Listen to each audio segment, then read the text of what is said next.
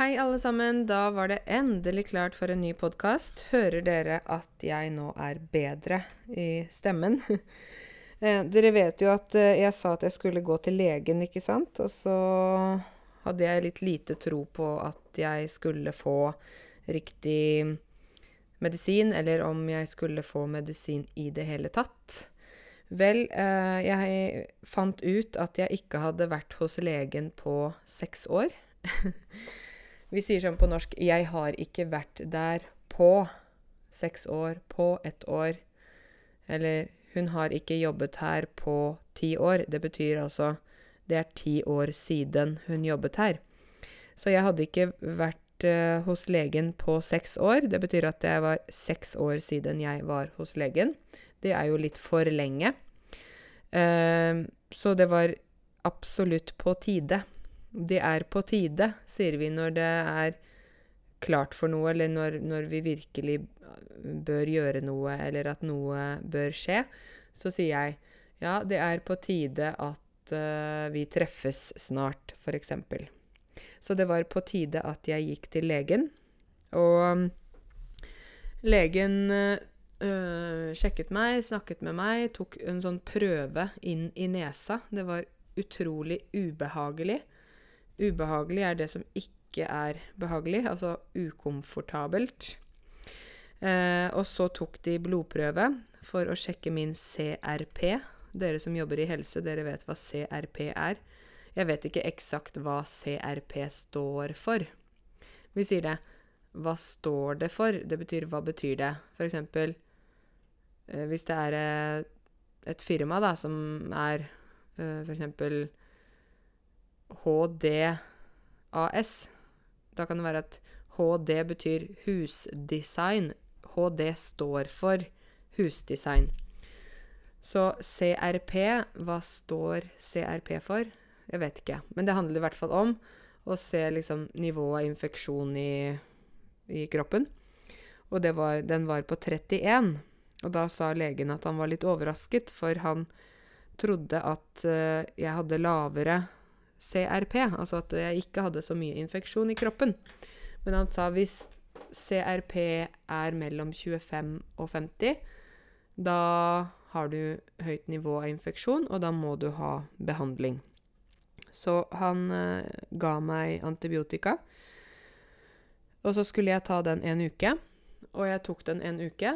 Og så var jeg fortsatt ikke bra. Altså, jeg var fortsatt sånn Jeg kaller det for bomullshode. Eh, liksom at uh, hodet mitt var sånn tett, nesten. Eh, og det var vanskelig å jobbe. Og jeg hadde flere foredrag. Jeg var jo rundt omkring på skoler og sånn, og var sånn tett. Så tenkte jeg nei, nå gir jeg meg ikke. Å gi seg betyr at man sier OK, greit, vi avslutter. Men jeg tenkte nei, nå skal jeg ikke gi meg. Jeg går igjen. Og så fortalte, at, fortalte jeg han at jeg er ferdig med denne antibiotikakuren, men jeg er fortsatt ikke bra. Jeg bruker fortsatt Paracet, jeg bruker fortsatt Ibux. Og jeg føler meg ikke sånn vanlig, da. Da sa han OK. Uh, betyr det at du vil ha mer medisiner? For han, de tok jo ny blodprøve, og da var CRP nede på 7. Så han sa det var bra. Ikke 31, ikke sant? Um, men da sa jeg, vet du hva, jeg skal uh, på et stort uh, um, event, eller stort arrangement, 28.10. i Sarpsborg i Østfold. Der kommer det 600 mennesker, og jeg skal være konferansier. Å være konferansier betyr at man er den som presenterer de som kommer opp på scenen og sånn. Så da tenkte jeg at uh, nei, jeg vil ha mer medisiner, for jeg må bli ferdig, jeg må bli frisk. Ordentlig frisk. Ikke bare sånn halvfrisk. så sa jeg, kan du være så snill å gi meg en skikkelig hestekur? En hestekur, det betyr liksom egentlig mye medisiner. For en hest, ikke sant, har stor kropp og trenger mye medisiner.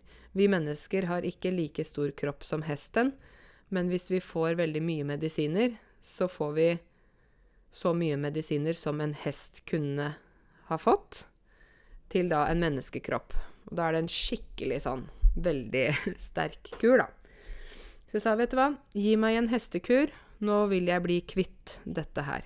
Å bli kvitt noe betyr at man blir ferdig med noe, eller noe går bort. For eksempel 'jeg vil bli kvitt dette problemet'. Ikke sant? Uh, så han ga meg enda en antibiotikakur. Og så ga han meg kortisontabletter. Og så ga han meg enda noen tabletter fordi jeg skulle fly. Jeg var, forrige helg så var jeg i Stockholm med tre venninner, så jeg skulle fly. Og han sa hvis du er veldig tett i nesa og tett i bihulene Altså det er de kanalene som går videre oppover mot uh, panna og på siden av uh, øynene og sånn. Hvis du har tette bihuler og du flyr, så er det veldig Da blir det veldig smertefullt. Så da måtte jeg ta enda en pille til for å åpne opp de kanalene. Så jeg var full av medisiner. Og jeg pleier jo egentlig ikke å ta noe særlig medisiner. Men denne gangen fikk jeg altså en hestekur. Og nå, dere, er jeg bra. nå er jeg meg selv igjen. Jeg er ikke tett i nesa. Jeg har ikke vondt i halsen. Jeg er ikke sliten, ikke slapp. Uh, det er helt fantastisk deilig. Så jeg må si velkommen tilbake til meg selv. Eh, jeg var jo Seks uker var jeg sånn dårlig. Så jeg tror vi sier på norsk at det satt skikkelig i. Altså denne infeksjonen satt skikkelig i kroppen min. Den satt liksom godt inni kroppen min. Den ville ikke gå ut. Den hadde funnet en deilig stol som den satt i. det satt i kroppen min, da. Men jeg har gjort mye siden sist. Jeg tenkte at vet dere hva, jeg venter med å lage podkast til jeg er bra. For jeg tenker at det ikke er så fint å høre på noen som er sånn forkjøla i stemmen. Så nå har jeg min egen stemme igjen. jeg har vært i Mandal Uh, Mandal ligger ca. en halvtime fra Kristiansand. Jeg ble bestilt til Mandal fordi um, Fordi det var um, no, en lærer som var på den uh, konferansen med Kompetanse Norge, der jeg snakket om podkast og video og sånn. Det var en konferanse i september. Og så spurte han da om jeg kunne komme til Mandal og kanskje ha noe, noe seminar for lærerne der. Og så tenkte jeg ja, vet du hva, det, det skal jeg gjøre. Det er uh, fint å gjøre. Så jeg um, dro til Mandal, og der var det mange lærere, mange elever. Jeg hadde to ettermiddager eh, med sånn miniseminar for lærerne. Så det var en mandag og en tirsdag, og da på tirsdag så var jeg også eh, med de elevene som går på Mandal voksenopplæring, eller Voksenopplæringa i Mandal, var det det det het. Eh, og hadde litt sånn foredrag, eller ja, snakka sånn. Det var veldig hyggelig å møte mange der. Uh, og det er jo sånn at jeg For å komme seg til Mandal, så må man uh, enten fly til Kristiansand, eller kjøre, eller ta buss, eller ta tog til Kristiansand. Men jeg kjørte. Og det er jo sånn at jeg har vel egentlig ikke snakket så mye om det på podkasten, men jeg, i mars så kjøpte jeg meg en ny bil. Jeg kjøpte en Tesla um, fordi jeg kjører mye rundt, og jeg, ha, jeg ville ha elektrisk bil. Men jeg ville ha en bil som uh, hadde god batteri, batterikapasitet. Altså at jeg kan reise langt uten at jeg må lade hele tiden. Så jeg kjøpte meg en Tesla. Um, og er, for meg så er den som et kontor på hjul. så når jeg reiser rundt, så er det veldig praktisk å ha en bil som har sånn lang rekkevidde, sier vi da. Rekkevidde betyr hvor lenge bilen kan kjøre, eller hvor langt bilen kan kjøre uten å lade. Så denne Teslaen har en rekkevidde på 600 km, eller 60 mil. Ei mil er jo 10 km. Så jeg øh, kjøpte meg den. Øh, og grunnen til at jeg ikke har snakket så mye om det, er jo det at mange har litt sånn tanker om Tesla, da. At å, har du Tesla, så er du rik, eller å, det er litt sånn. Men det er ikke sånn for meg. For meg så er dette mer en investering. Å investere betyr at man eh, legger penger i noe som man håper etterpå kan gi gevinst eller gi penger, akkurat som man investerer i en bolig, så går jo boligen opp i pris, ikke sant? som jeg investerte i denne bilen, så Bilen går ikke opp i pris. Dessverre så går jo biler går jo alltid ned i pris. Men um, det er bra for bedriften min at jeg har en bil som jeg kan stole på, og som fungerer, og som jeg kan bruke, kjøre langt med. Fordi hvis jeg ikke hadde den, så måtte jeg hatt en bil der jeg brukte bensin og sånn. Og det koster jo mye penger. Eller så måtte jeg jo reist kollektivt eller tatt fly. Så hvis jeg da skulle ikke sant, ta fly til Kristiansand og fram og tilbake, så blir jo det en del penger. Mens med elektrisk bil så har jeg ikke den utgiften, da. Så selv om Tesla er en dyr bil, så sparer jeg likevel penger på en annen måte ved at jeg ikke trenger å kjøpe bussbilletter, flybilletter og sånn, fordi jeg kan kjøre istedenfor å, å reise med andre transportmuligheter, da. Uh, men når man har Tesla, så betyr det ikke at man er rik. men jeg tror mange har det i hodet sitt at 'Å, du har Tesla. Wow.' wow. men uh, det er litt sånn misforstått, mener jeg, da. Um, det handler egentlig mer om å bruke penger på en smart måte. Ikke sant? Man kan kjøpe et eple for fem kroner, eller man kan kjøpe en kilo epler for 15 kroner. Hva velger du? Så det er da eh, min Tesla. Men jeg må si at Tesla er en fantastisk bil å kjøre. Det er som å Det er sånn veldig sånn Du merker nesten ikke at du kjører. Jeg merker det ikke. Det betyr at man ikke kjenner det. F.eks. hvis du får en vaksine, og hvis det er en flink sykepleier som stikker i huden din, stikker nåla inn i huden, ikke sant Kanskje du ikke merker det. Det, det betyr at du ikke kjenner det. Så jeg merker ikke at jeg kjører bil. Jeg bare sitter og cruiser og koser meg. jeg kom tilbake til uh, Oslo, og da uh, hadde jeg én dag på kontoret. Og da hadde jeg fått masse mailer. Masse, masse, masse mailer. Og så 24. oktober, da um, skulle jeg på KIA, noe som heter Kristent interkulturelt arbeid, tror jeg det er. Det er en sånn ideell organisasjon da, som, uh, som, får støtte av staten og forskjellige organisasjoner for å drive da med, med norskopplæring, og de har barnehage, og de har litt forskjellig. Så jeg hadde blitt invitert dit på FN-dagen, og det var jo utrolig hyggelig. Jeg var der uh, ja, flere timer. Uh, snakket litt, holdt litt foredrag. Vet dere nå hva foredrag er? Det betyr at én snakker og andre hører på, og tar litt notater og stiller litt spørsmål og sånn. Mens tale, det er noe annet. Tale er når én snakker. Når man ikke stiller spørsmål, ikke sant? Når man ikke stopper, man bare hører på. Eksempel uh, Martin Luther King. Han hadde jo en tale der i uh, Washington DC. I have a dream. Ikke sant? den har dere sikkert hørt, den talen. Så, ja. Um, I hvert fall så um, hadde jeg da foredrag på Kia, og etterpå så var det mat fra hele verden. Det var bare kvinner der. Det var sånn kvinnegruppe. Og så var det deilig mat fra mange land. Det var fra Peru, det var fra Afghanistan, fra Pakistan, fra Syria, fra Iran, fra Marokko, fra Vietnam, fra Ja, det var mange land. Masse deilig mat. så det var jo veldig spennende. Og så dansa vi litt, og ja. Nei, det var veldig fint.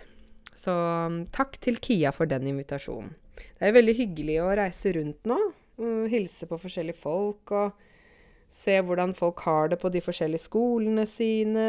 Og hilse på lærere. Og jeg syns jo det er utrolig hyggelig. Um, og så er det veldig hyggelig å møte folk også, fordi jeg lager jo mye jeg lager jo mye uh, sånn forskjellig um, opplegg uh, for forskjellige skoler og sånn, fordi at jeg har da Ja, jeg har som mål om at jeg skal bli litt bedre kjent med folk, eller at jeg skal kunne lage noe som gjør at folk kan få litt inspirasjon, da. Så jeg lager sånne foredrag til de forskjellige stedene som jeg har, og så snakker jeg om litt forskjellige ting. Så på KIA så snakket jeg litt om uh, hvordan man kan lære seg norsk gratis på forskjellige måter. Uh, og i Mandal så snakket jeg litt om norskprøvene og sånt også, fordi det var jo en voksenopplæring. Uh, men jeg snakker mye om det med at det med språklæring, det skjer på mange forskjellige arenaer, da. Og at man må eh, på en måte prøve å ikke bare lære norsk på skolen, eller bare lære med boka, men det er veldig mange måter å lære på. Og eksempel når eh, når jeg lærer et språk, eller hvis jeg lærer noe, så prøver jeg liksom å finne alle mulige kanaler eh, og steder og nettsteder og bøker og sanger og alt for å få språket inn. Um, det beste er jo en slags eh, språkdusj, språkbad. Eh, hva betyr det? Det betyr ikke at man skal dusje, eh, altså. Men det betyr at man skal Akkurat som når du dusjer, så kommer jo vannet overalt på kroppen, ikke sant? På håret og ryggen og beina og føttene og overalt. På samme måte skal språket komme inn i deg, da. Så du kan synge norsk, du kan høre på lydbok, du kan lese i boka, du kan gå på kurs, du kan være på språkkafé, du kan snakke med andre. Du kan gjøre mange forskjellige ting som gjør at du lærer språket. Eh, ikke bare på én måte, da. Høre på podkast, ikke sant. Se på YouTube. Eh, snakke med kollegaer. Så jeg er litt opptatt av at det med å lære språk, um, det er krevende. Og man må prøve å møte språket så mye som mulig. Altså at man liksom eksponerer seg selv virkelig for språket, da. Uh, så når jeg lærte swahili, da bodde jeg jo uh, i Tanzania, eller på Zanzibar. Men jeg hørte på swahili-musikk. Uh, jeg lærte noen av dansene de hadde. Jeg spiste swahili-mat. Jeg så på swahili-filmer. Jeg snakket med barna. Jeg øvde meg på uttale. Jeg hørte på radio, selv om jeg ikke forsto hva de sa på radio. Eh, jeg så i boka. Jeg skrev ned ord. Jeg skrev setninger. Jeg prøvde å jobbe med grammatikk, men det var ikke så mange som kunne hjelpe meg. Altså, jeg, jeg gjorde noe hele tida. Um, og jeg hadde en veldig flink um, student for noen år siden. Um, hun uh, kom fra Russland. Uh, og da hun kom hit, hvis hun hører på nå, så vet hun uh, hvem hun selv er. Uh, hun ble jo engasjert i Røde Kors. Altså hun meldte seg inn i Røde Kors og ble etter hvert en leder på en av de gruppene på Røde Kors. Og det var jo frivillig arbeid. Hun fikk ingen penger for det, men likevel så gjorde hun det. Um, hun sa at nei, nå har jeg ikke jobb. Min mann har jobb, men jeg har ikke jobb. Uh, min jobb er å lære meg norsk. Så jeg skal studere. Uh, stå opp om morgenen. Uh, hun hadde nettkurs hos meg, da. Hun logget seg inn, jobbet på nettkurset, hørte på radio, gikk på språkkafé. Altså hun så på det å lære seg norsk som en fulltidsjobb. Hun sa til jeg får meg en vanlig jobb, så er min jobb å lære norsk. Det var hennes holdning. Og hun var virkelig i den språkdusjen, språkbadet. Og hun lærte seg altså så mye, så fort. Uh, jeg ble helt uh, målløs. Å bli målløs betyr at man uh, ikke vet hva man skal si. Man blir så imponert. Så jeg ble helt målløs av henne. Uh, hun studerte og flyttet seg oppover A1, A2, B1, B2. Og så ble hun på C1-nivå. Ikke sant? Og dette var i løpet av et år. I dag har hun fast jobb uh, og jobber, og hun jobber innenfor data.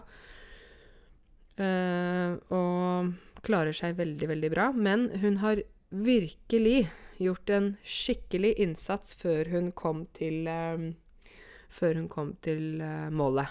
Ikke sant? Hun sa at 'jeg har ikke jobb', og hun fikk heller ikke gratis uh, uh, kurs, fordi at hun kom da ikke fra Altså hun var ikke gift med en nordmann eller noe sånt, så hun måtte jo betale for kurs. Men hun gikk da, som jeg sa, på språkkafé, nettkurs hos meg. Hun ble engasjert i Røde Kors. Uh, hun uh, Ja, hun lærte seg altså så mye, men hun så på dette som en jobb. Og nå har hun jobb, og jobber på norsk, og det går veldig bra. Så det var et eksempel på hvordan man kan virkelig gå inn i det. Jeg vet at ikke alle har tid til å drive med norsk hele tiden, men det var fordi hun ikke hadde en jobb ennå. Så sa hun at ok, men da er dette er min jobb. Min jobb er å lære meg norsk. Så det syns jeg var kult å se hennes utvikling, da. Uh, ja. Um, når det gjelder um, uh, reisen min Jeg var jo i Stockholm. Dere vet at jeg elsker å reise. Uh, og så hadde jeg plan da med tre venninner om at vi skulle reise. Og de venninnene er småbarnsforeldre, to av de. Og hun andre hun er politidame, så hun er også veldig travel. Så var det da snakk om at vi skulle reise en helg fra fredag til søndag. Um, men da ikke reise langt, fordi vi hadde jo ikke så mye tid. Jeg kan jo styre min egen tid, så jeg er jo veldig heldig. Å styre sin egen tid. Ikke sant? Man, man kan bruke å styre, betyr å kontrollere, på en måte. Man kan styre sin egen økonomi. Man kan styre sin egen tid. Man kan styre sin egen fritid, som voksen i hvert fall. Så, men det kunne ikke de, fordi de, de måtte jo få fri fra jobb og sånn. Så vi dro da fredag ettermiddag, og um, jeg dro til Stockholm. Vi reiste til Stockholm, for det var jo kort vei. Um, og um, vi var på et fint uh, hotell der som het Miss Sophie i Stockholm. Det var veldig sånn kult boutique-hotell. Uh, så bodde vi på rom to og to. To og to, det betyr to sammen og to sammen. Um, og um, fordi at vi vil jo ikke ha ett rom hver, for da blir det jo veldig dyrt. Men hvis vi er to som deler på et rom, så blir det halvparten, ikke sant. Så dro vi da på fredag for å spise på en thai-restaurant, men ikke sånn billig restaurant. Det var en restaurant der vi spiste Vi hadde niretters middag. Ni retter, altså. Ni små forskjellige typer retter. Um, og vi fikk smake mye forskjellig. Var med mange interessante smaker. Jeg hadde jo vegetarmeny, og de andre hadde sånn vanlig meny. Da eh, spiste de mye sånn sjømat, sånn krabbe og fisk og eh, scampi og sånn, mens jeg spiste mer sånn forskjellige grønnsaker. Men det var nydelig mat. Um, og så etter det så gikk vi bare og slappa av på rommet og sov. Fordi vi skulle tidlig opp på lørdag.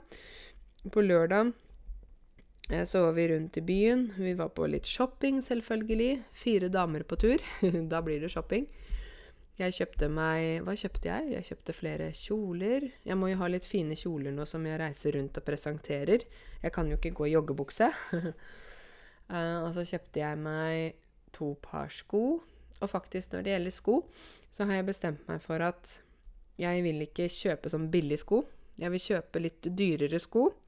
Heller ett par dyre sko enn fire par billige sko. Fordi skoene er jo på føttene. Og føttene bærer kroppen vår, ikke sant? Så hvis vi har dårlige sko, så får vi dårlig rygg, og så får vi vondt. Så jeg investerer igjen. Ordet 'investere'. Jeg investerer i litt dyre sko, slik at jeg får ikke får vondt i føttene, og jeg har en, ikke får vondt i ryggen, og det er godt å gå, osv. Um, og så var vi da igjen ute og spiste på kvelden på en annen type restaurant. Um, det var jo også god mat. Men jeg er litt sånn utålmodig, jeg. Utålmodig betyr at man ikke liker å vente. Jeg er litt utålmodig når det gjelder uh, å vente på mat, hvis det tar veldig lang tid. Og det tok jo veldig lang tid på denne restauranten, så det var litt sånn kjedelig, syns jeg. Men uh, ja. Maten kom jo, det var uh, godt. Og så øh, Jeg drakk ikke. Jeg har ikke drukket noe alkohol på veldig lenge. Jeg har ikke hatt lyst på. Um, altså, som dere hører, så klarer jo jeg fint å prate uten alkohol. noen nordmenn er jo så sjenerte at det er vanskelig for dem i hvert fall å prate med nye mennesker uten å drikke. For meg så kan jeg prate uten drikke. Eh, men jeg hadde, har heller ikke hatt lyst på noe alkohol i en periode nå. Eh, kanskje det bare blir sånn. Jeg er ikke avholds. Å være avholds betyr at man absolutt ikke drikker. Være avholds. Men jeg har ikke noe behov for det.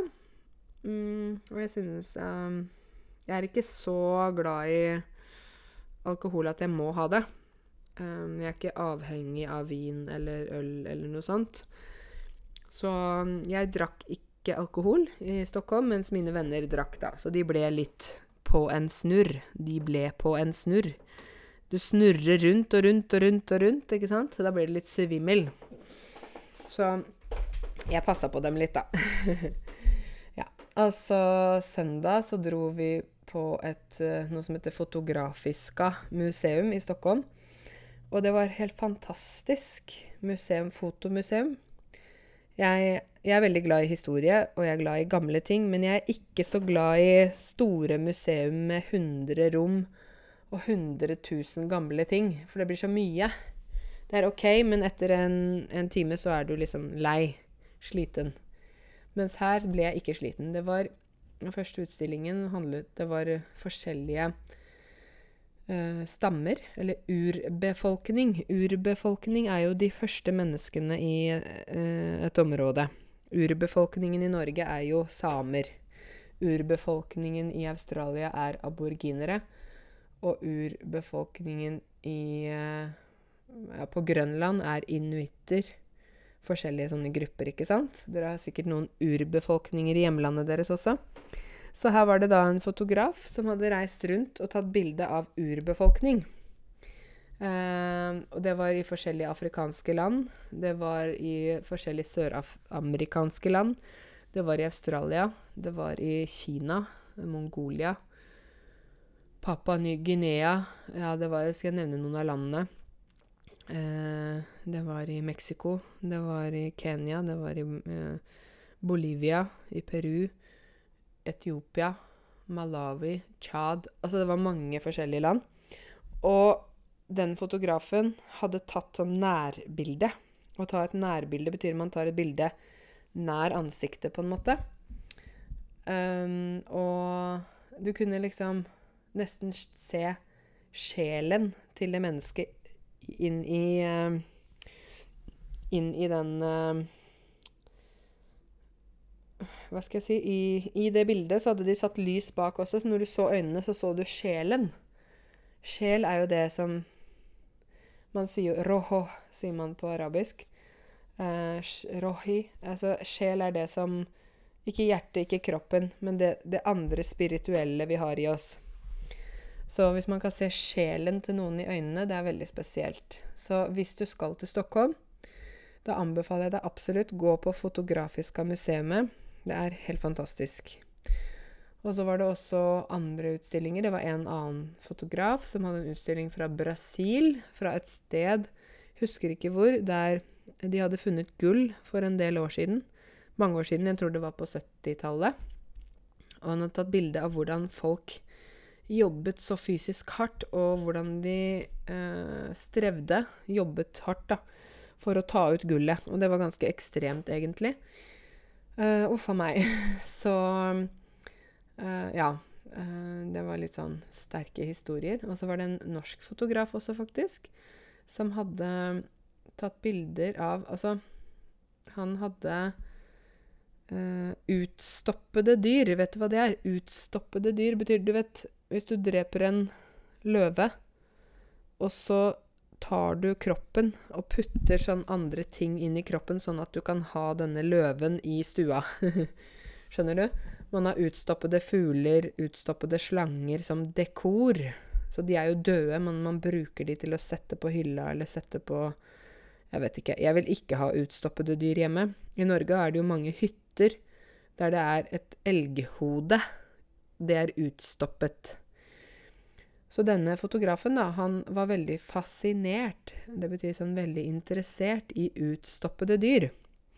Så han, men det han hadde gjort, var å ta sette fyr på disse dyrene. Å sette fyr på betyr at man tenner på med f.eks. en lighter eller fyrstikker, og man brenner. Hvis jeg setter fyr på et hus For det første er jeg pyroman. For det andre så brenner huset ned.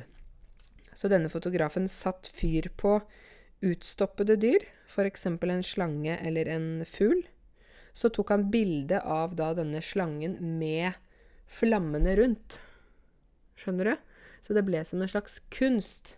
Og han sa det at disse dyrene har ikke fått en, en fin slutt på livet fordi de har blitt drept fordi de skal stoppes ut. De skal være i noens stue eller stå på et hotell, som f.eks. en isbjørn. Oppe i Tromsø så er det jo en stor isbjørn på et hotell, vet jeg.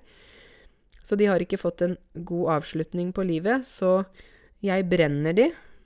Jeg setter fyr på de, jeg brenner de, som en slags seremoni. En avslutningsseremoni for dem. Eh, så han sa det er veldig symbolsk, da. Det var jo veldig spesielt. Men det er jo sånn, dere, at eh, i en del land så begraver man ikke døde kropper, man brenner de. F.eks. i India er det veldig vanlig at man kremerer. Man brenner Det heter å kremere når man brenner døde kropper. Man kremerer istedenfor å begrave i jorda. Så han på en måte kremerte disse dyrene, da. Um, det er jo noen av dere som kanskje lurer på hvordan dette er i Norge. Jeg skal ikke snakke mye om begravelse nå, men jeg kan jo si at her i Norge så er det sånn at når du dør, så er det enten vanlig begravelse, der kista der du ligger, blir putta i jorda, eller så er det sånn at uh, kista di blir kjørt til et krematorium, og i krematoriumet er det en spesiell ovn, og der brenner man kroppen slik at øh, det som er igjen når kroppen er brent opp, er aske.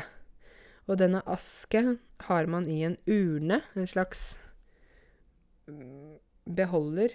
Øh, ikke kopp, men en slags laget av metall eller keramikk eller noe sånt. Man har asken på urnen, og så begraver man urnen og ikke kroppen. Noen synes jo dette er veldig ekstremt og tenker nei, nei, man kan ikke gjøre det og sånn. Men det er jo uh, sånn at folk velger det selv. Uh, eksempel min bestemor. Jeg hadde to bestemødre som døde fra meg. Uh, den første hun døde i 1996. Hun het også Karense, faktisk. Og hun bestemor Karense hun ble begravet på vanlig måte. Hun ble ikke kremert. Mens min andre bestemor, hun het Ragna. Hun døde i 2000. Da var jeg 15 år. Ja. Uh, hun ble kremert, for hun ville kremeres. Hun hadde sagt det selv, for hun var syk og gammel, og hun sa at 'jeg vil ikke bli begravd, jeg vil bli kremert'. Så da vi hadde hennes begravelse, så ble ikke kista putta i jorda, den ble kjørt til et krematorium. Så vi sa farvel til henne i en bil, på en måte. Og etter en måned eller noe sånt, så var den uh, urnen klar med hennes aske. Og da begravde vi urnen. Så det er jo litt spesielt. Og sånn er det her i Norge. Uh, og det, den personen som dør, bestemmer det selv. Eller hvis man er veldig syk, så er det lurt at man da man må si ifra hva man vil. Hvis man ikke sier noe, så blir man begravd på vanlig måte i en kiste i jorda. Men hvis man sier eksplisitt å si eksplisitt betyr man sier sånn bestemt at nei, jeg må bli begravd øh, som urne. Altså jeg vil kremeres. Da blir man kremert. Så for noen mennesker liker ikke tanken på at kroppen er i jorda, og at det kommer masse insekter og i kroppen. Noen nei, de, 'Å, jeg orker ikke tenke på det.' Og da blir de kremert. Ja. Nok om det. Vel, skravla mi går. Um, jo. Jeg snakket om Stockholm. Når jeg kom tilbake fra Stockholm, så var det egentlig bare gå inn i huset, hente litt, noen rene klær, og så tok jeg med treningstøy. Fordi nå tenkte jeg nå er jeg frisk, nå skal jeg trene. Fordi jeg skulle rett til Sarpsborg. Sarpsborg, sånn skrives vi det, men sier Sarpsborg. Sarpsborg ligger i Østfold fylke, ved siden av Fredrikstad. Så jeg skulle være med på Give a Job i Sarpsborg. Det var planlagt for lenge siden.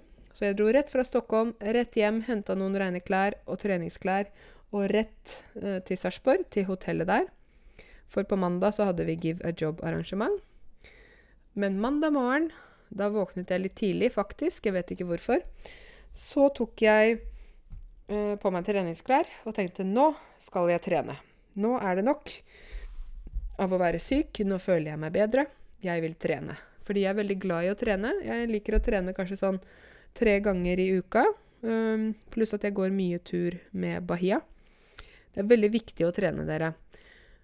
Hvorfor det? Fordi uh, vår kropp er laget for å bevege seg. Vår kropp er laget for å være aktiv, ikke for å sitte og sitte og sitte hele dagen. I naturen, ikke sant? Når dere ser dyr i naturen, så Altså ville dyr, ikke dyr som bor i huset, men dyr i naturen, så er det jo sånn at de dyrene beveger seg. De løper, de hopper, de klatrer, ikke sant? Og de dyrene er ikke tykke, tjukke, ikke sant? Så du tenker på en um, elg, eller elg, som jeg sier på min dialekt. Vi har ikke overvektige elger i skogen. Hvorfor ikke? Nei, de spiser normalt. De er aktive. De går, de løper, ikke sant? Men vi kan finne en overvektig hund som ikke får nok trening, ikke sant? Men naturlig nok så er ikke hunder overvektige. Ulver, ikke sant? Ulv er ikke overvektig. Men en hund kan være det fordi den ikke får nok trening. Det samme med oss mennesker. Egentlig skal vi jo ikke være overvektige. Vi skal jo bevege oss, vi skal være aktive. Vi skal spise sunt. Vi skal spise naturlig mat, ikke industrimat. Vi skal ikke spise godteri og sjokolade, det er jo ikke naturlig. Så vi skal heller ikke være overvektige og tjukke og slitne og ha lite energi. Vi skal også være i form. Så derfor tenker jeg at vi har en jobb å gjøre, og den jobben er at vi må ta vare på helsa vår. Vi må passe på kroppen vår. Vi har bare én kropp. Vi kan ikke få ny kropp. Vi har én. Vi har ett hjerte. Vi har, uh, ikke sant, et uh, system som vi selv må passe på. Og som voksne mennesker så er vi ansvarlige, det sier jeg nå med litt sånn lærer-pekefinger. Hallo, jeg og du og dere og alle sammen, vi er ansvarlige for vår egen helse. Vi er ansvarlige for å spise sunt. Vi er ansvarlige for å være aktive. Vi kan ikke si 'nei, jeg er sånn og sånn og sånn'. Mye av det som uh, er problemet fysisk, er jo at vi kanskje ikke har vært flinke nok selv til å ta vare på oss selv og passe på oss selv. Nå må jeg si at disse seks ukene som jeg var syk nå, det er ikke pga. at jeg ikke spiser sunt og sånn, men jeg tror jeg fikk en infeksjon. Men det jeg sier, at når vi blir overvektige, eller vi blir veldig trøtte, slitne, ikke energi. Uh, høyt blodtrykk, ikke sant. Diabetes 2. Det er mange ting. Så er det ofte at det, hvem er det som er ansvarlig for det? Det er oss selv.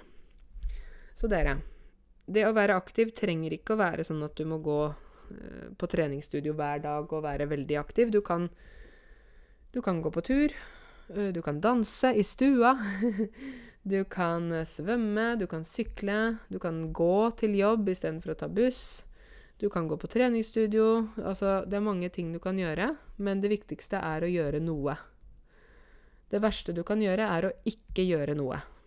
Fordi det blir mye sitting av og til. Vi sitter på bussen, sitter på sofaen, sitter på stol på jobben, sitter på kontorstol. Uh, vi sitter hele tida. Men vi må opp av stolen og bevege oss, være aktive. Så når jeg var på trening der i Sarpsborg Å, det var himmelsk. Himmelsk, ikke sant? Himmelen der oppe. Det betyr det var sånn fantastisk. Det var himmelsk. Det var deilig å svette og puste og pese og Ja. De hadde en veldig fin eh, Ja, de hadde et veldig fint treningsstudio som var en del av hotellet, og også veldig fin 3D-mølle. 3D-mølle er det man løper på inne, ikke sant? Så jeg løp på 3D-mølla, og der var det en skjerm med en video fra da en skog. Så når jeg løp på 3D-mølla, så så jeg at jeg liksom løp i skogen. Og da gikk tiden veldig fort. Så det var helt supert. Um, så jeg fikk trent, så kom jeg tilbake, og så skulle vi planlegge uh, litt sånn uh, forgive job. Og da hadde vi Da hadde vi mange mennesker som var involverte. Å være involvert betyr at man har en rolle, eller man er med i noe. Så da var det mange som var involverte, og eh, Jeg måtte planlegge litt fordi jeg skulle være konferansier sammen med Arne Hjeltnes. Arne Hjeltnes. Det skrives H-j-e-l-t-n-e-s. Hjelt, Hjeltnes. Han er en kjent mann. Han har vært på TV i mange år. Alle nordmenn vet hvem han er. Men mange av dere vet ikke hvem han er. så det skulle være meg, som var kjent for dere innvandrere, som konferansier. Så skulle det være Arne Hjeltnes, som var kjent for nordmennene, som konferansier. Vi to sammen. Og da Jeg har jo snakket om Give a Job før. Lang historie kort. Så er det en, en full dag med lunsj, jobbmesse, der mange bedrifter har sånne um, stands. Å ha stand betyr at man har et bord, brosjyre, reklame. Og man kan komme og levere CV og snakke om jobb og sånn. og så hadde vi middag igjen med underholdning og dans og sang og sånn til slutt. Og det var fantastisk. 600 deltakere. Jeg møtte mange av de som hører på mine podkaster og som kjenner meg. Det var utrolig hyggelig. Uh, jeg fikk eh, snakket med mange. Jeg fikk også fortalt eh, Jeg fikk fortalt om YouTube og podkast og sånn.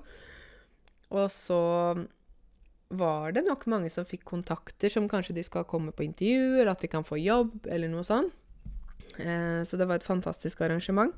Vi skal igjen ha Give a Job i Bodø 18.11., så det er ikke så lenge til. Og da blir det Bodø. Så da er det det som gjelder. Jeg var i Bodø i fjor, så nå blir det Bodø igjen for andre gang. Det var så populært i fjor at uh, vi måtte gjøre det en gang til her. Der oppe. ah, nå har jeg pratet mye, dere. Um, ja. Um, nå er det helg, og jeg har to dager hjemme før jeg på søndag reiser til Dublin i Irland der skal jeg på en stor konferanse som heter World Online Learning Conference, altså verdens nettlæringskonferanse. Der er det over 800 deltakere fra over 80 land som er samlet. Um, en stor konferanse som handler om um, læring på nett, hvordan man lærer best online, hvilke metoder man kan bruke hvilke ressurser som finnes. Um, det er veldig mye forskjellig. Så jeg gleder meg veldig egentlig til det. Jeg skal være en hel uke i Dublin. Så da blir det ikke noe YouTube, men det blir nok kanskje en podkast. Jeg skal ta med meg denne mikrofonen, se hva jeg får tid til. Men der har de også treningsstudio på hotellet. Så da kan jeg trene litt der også. Ingen unnskyldning, sier vi. Ingen unnskyldning. Når jeg sier unnskyld, så høres det ut som jeg sier y, ikke sant? Og vi skriver med u. Unnskyld. Men jeg tror det er kanskje litt dialekta mi. Mange sier unnskyld, selv om vi skriver med u. Så ingen unnskyldning for å ikke trene. Jeg skal ta med meg treningstøy. Og kanskje ta og trene litt på morgenen før jeg går inn på den konferansen. Så da skal jeg lære litt om online learning og alt mulig. Men jeg må fortelle om noe veldig spennende helt til slutt. Og det er rett og slett Ops, ops. Telefonen min her. Beklager. Um, jeg må sjekke telefonen, nemlig, for jeg må sjekke noen datoer, dere. Det er altså um, Det er Nå skal jeg gi dere en dato. 26. november. Dette er i Oslo. Da skal jeg sammen med et firma som heter Speech Designer, vi skal uh, holde et kurs i uttale. Det er et kurs som går på uh, uttale i um, um, Det er et kurs som går på uttale av norsk. Det kan være for alle på alle nivåer. Det er et spesielt program som har blitt utviklet av lingvister, professorer. Det har blitt uh, utviklet i Berlin i samarbeid med Universitetet i uh, Agder, tror jeg det var, hvis jeg ikke tar helt feil. Og så er det et uttalekurs der man lærer uttale og intonasjon, altså melodi, i språket. Eh, tre timer den første dagen og tre timer den andre gangen man har kurset. Det høres veldig rart ut at man kan bli veldig mye bedre i uttale på bare tre timer pluss tre timer oppfølging, eller kurs i etterkant, men det går altså an. Jeg har sett det selv. Og nå skal jeg begynne å holde disse kursene her i Oslo. Eh, vi skal ha åtte deltakere. Eh, jeg har én deltaker allerede, så jeg har syv plasser. Og det er et kurs som er da 26. november og 10. desember. Da må man ha tre timer 26. november og tre timer 10. desember. Dette er på ettermiddagen klokka fem. Fem til åtte. Um, og det koster 2500 kroner per person. Men jeg lover dere at uh, dere, hvis det er noen av dere som vil være med, at dere kommer til å få veldig sånn stor forskjell på uttalen deres etter den ene gangen. Uh, jeg har uh, selv sett det, og jeg har selv hørt det. og Det er helt utrolig hvilken forskjell det er fra de har vært på kurset. Altså før de starter, og etter at de har vært på kurset. Jeg skal til Kristiansand 14. og 15. november og se på en gruppe som skal ha dette kurset. Og så skal jeg selv være med og holde kurset da uh, 25. november og 10. desember her i Oslo.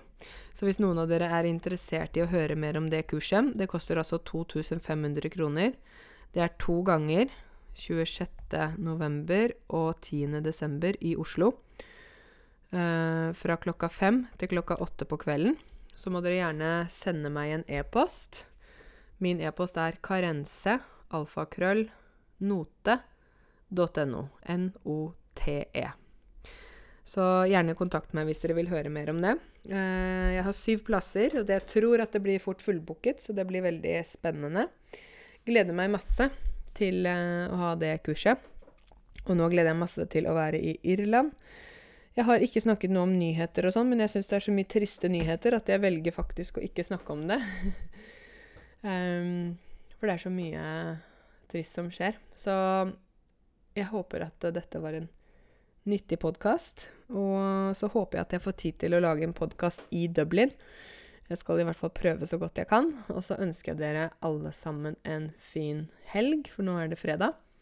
Og så snakkes vi og høres vi snart. OK? Takk for at du lyttet til min podkast.